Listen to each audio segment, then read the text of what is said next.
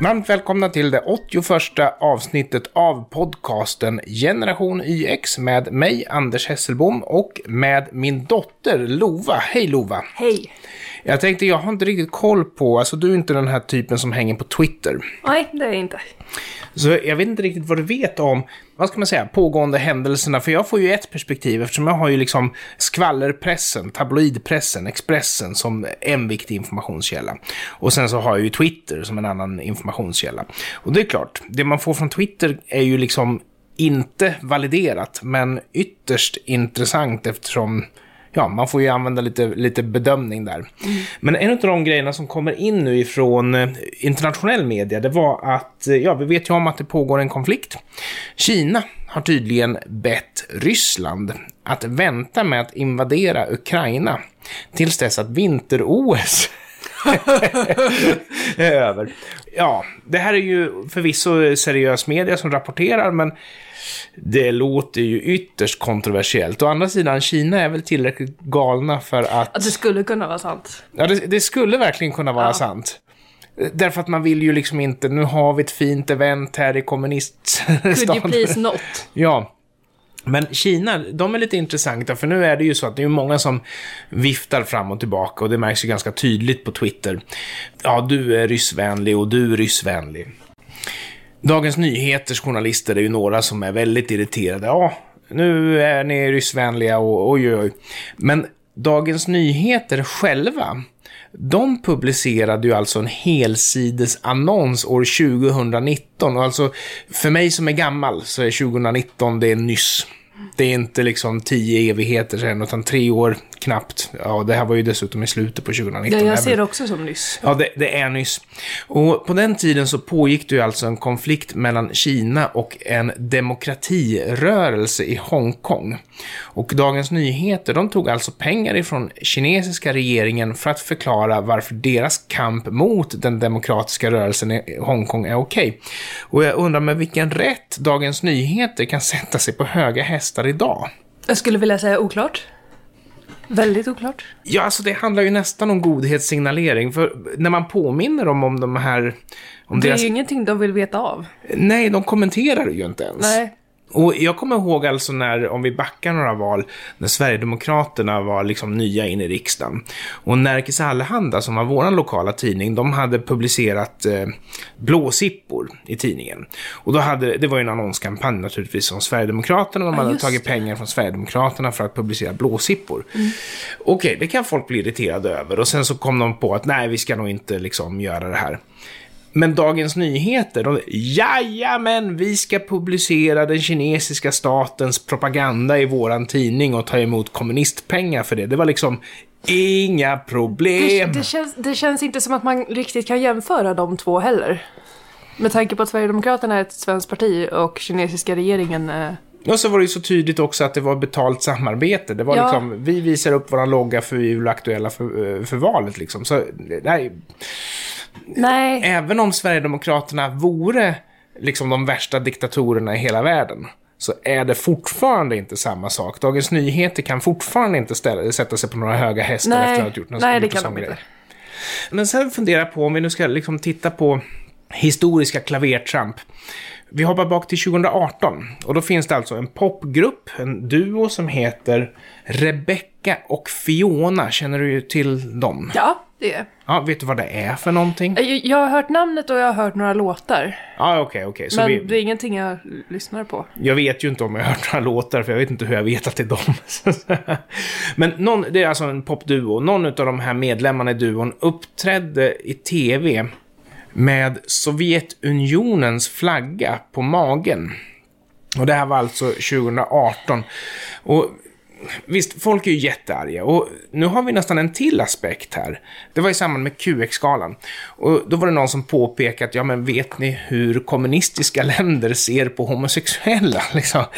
Och folk är ju naturligtvis väldigt arga och man kan ju inte hävda att det här var länge sedan, för det var ju inte speciellt länge sedan. Men däremot, alltså de här är väl födda typ på 80-talet. Mm, det kan jag tro. 80 eller tidigt 90. Finns det någon anledning att tro att de har en aning om vad Sovjetunionen var? Eller att de har en aning om vad kommunism är? Nej, jag tror att det är det som de har läst i skolböckerna. Vilket är en väldigt förfinad... Ja, jag kan, jag kan ju inte tänka mig att man kan eh, liksom... så, så länge det finns kommunister som faktiskt röstar i svenska val så kan man ju inte angripa kommunismen för hårt. Och dessutom en, en grej som skiljer, vad ska man säga, eh, extremvänstern ifrån extremhögern. Mm. Det är ju det här att extremvänstern vilar på en finansiell teori, Karl Marx, marxismen, som förvisso är en, en debunkad och sedan länge avfärdad, men det är många som tar det på allvar. Det finns liksom ingenting i kommunismen som jag ser det, och nu vill jag veta hur du tänker här. Det finns ingenting i kommunismen som säger att man ska döda människor.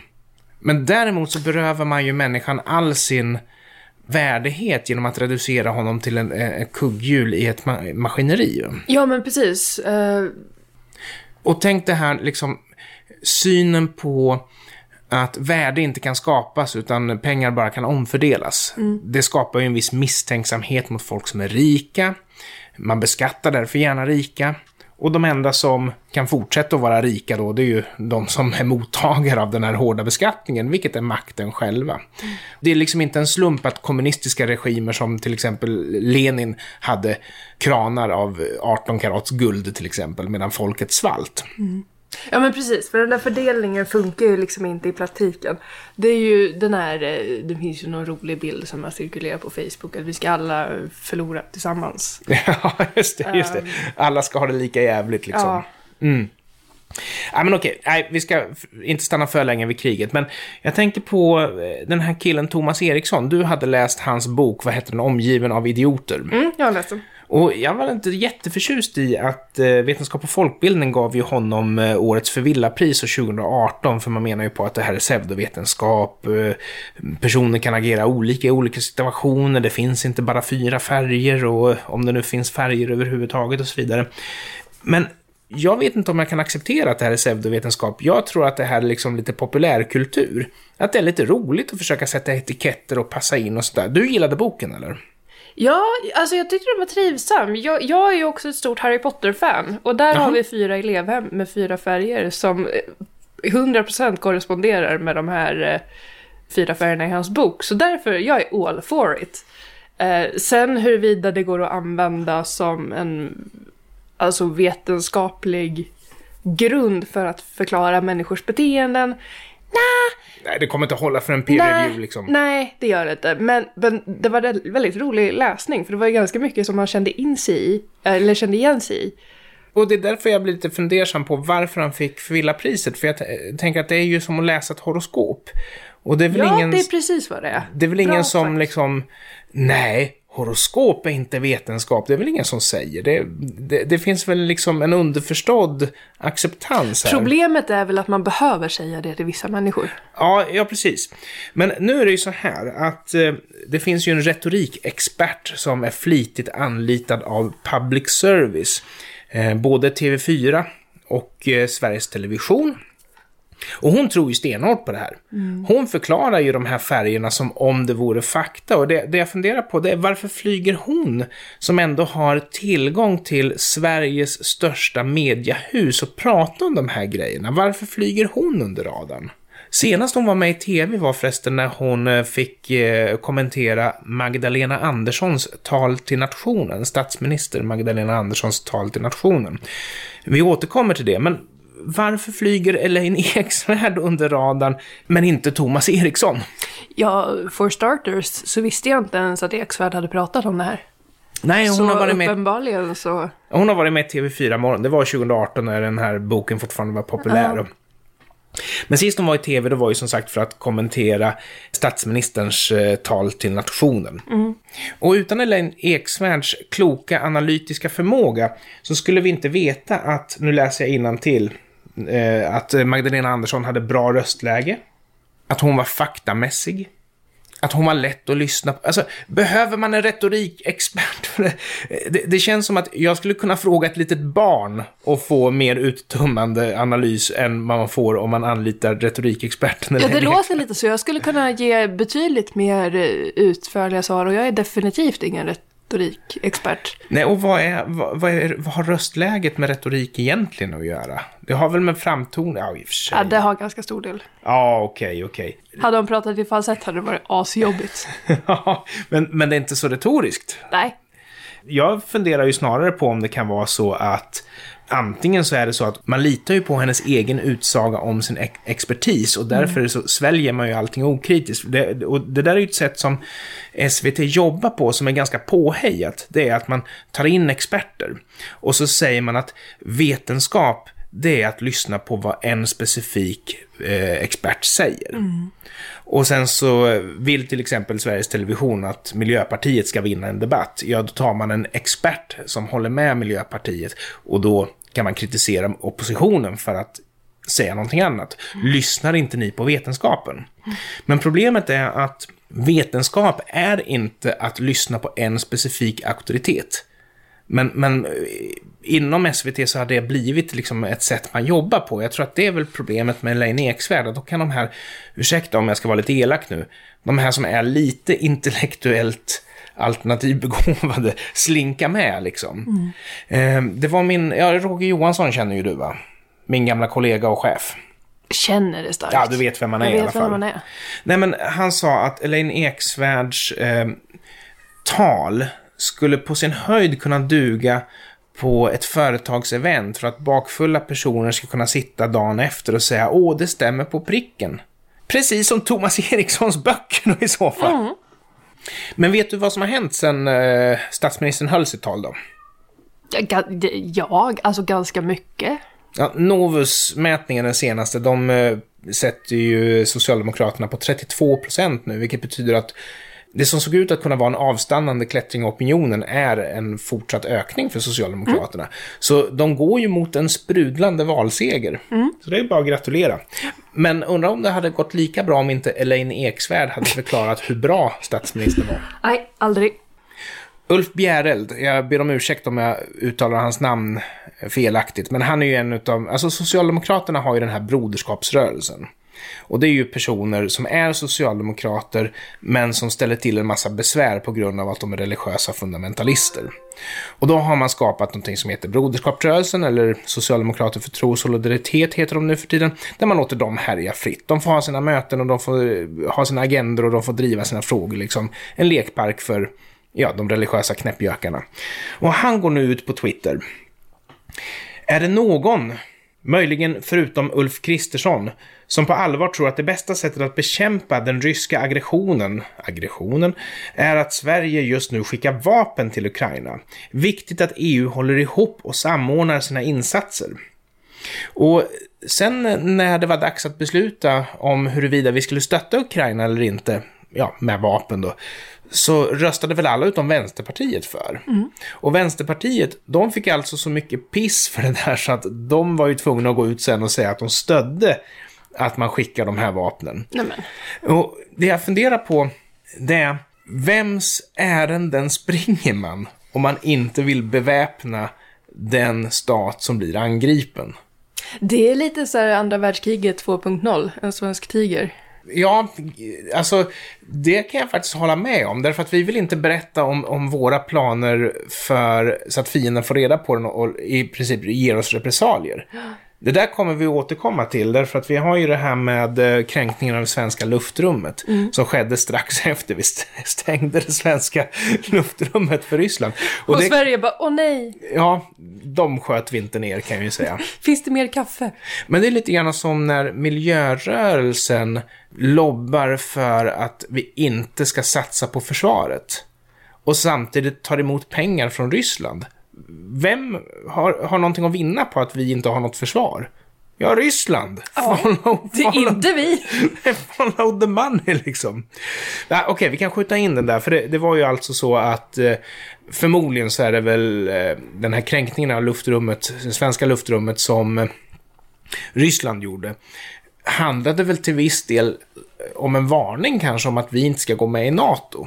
De vill ju verkligen inte att vi ska ha NATO bakom oss ifall att det blir en konflikt, utan de vill ju att vi ska vara obeväpnade och ensamma, självklart.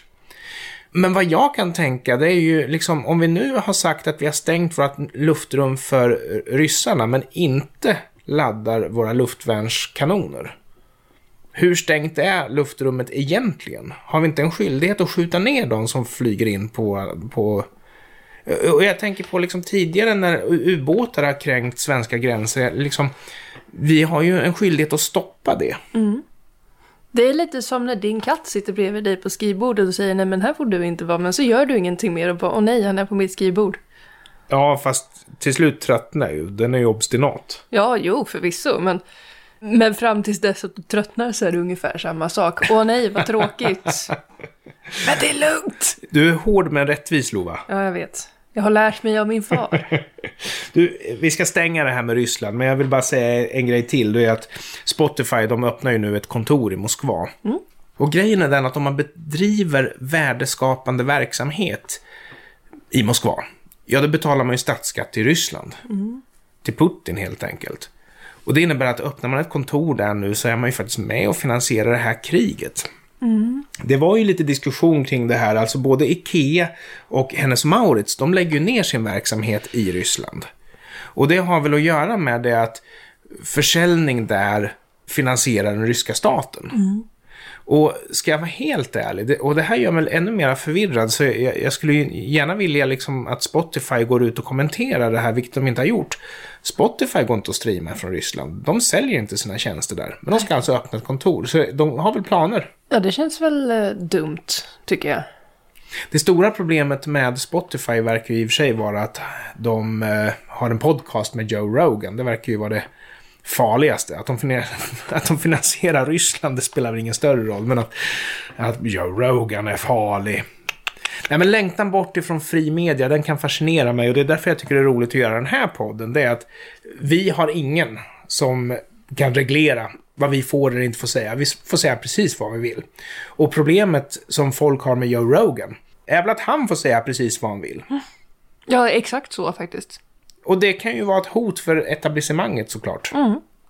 Och samtidigt så är det väl så att jag tror inte han är ett så stort, stort hot för etablissemanget. Utan jag tror att det folk egentligen blir irriterade på det är att personer som är någon grata, personer som inte underkastar sig liksom kontroversiella människor med fel åsikter får lägga ut texten där. Någonting som jag för min del växer av som människa eftersom jag får ett bredare perspektiv. Jag kan förstå varför en person som är min fiende faktiskt är min fiende.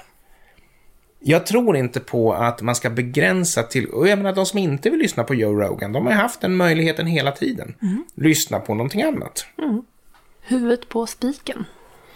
Men fri media då, alltså Joakim Lamotte, han har du koll på va? ja, ja, och han gillar inte du?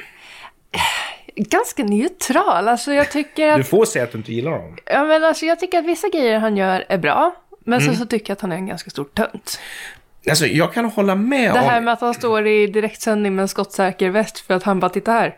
Jag är, jag är hotad. Ja, men då, då har vi faktiskt olika uppfattningar där. För ja. jag, jag, tycker liksom inte att han har någonting att komma med.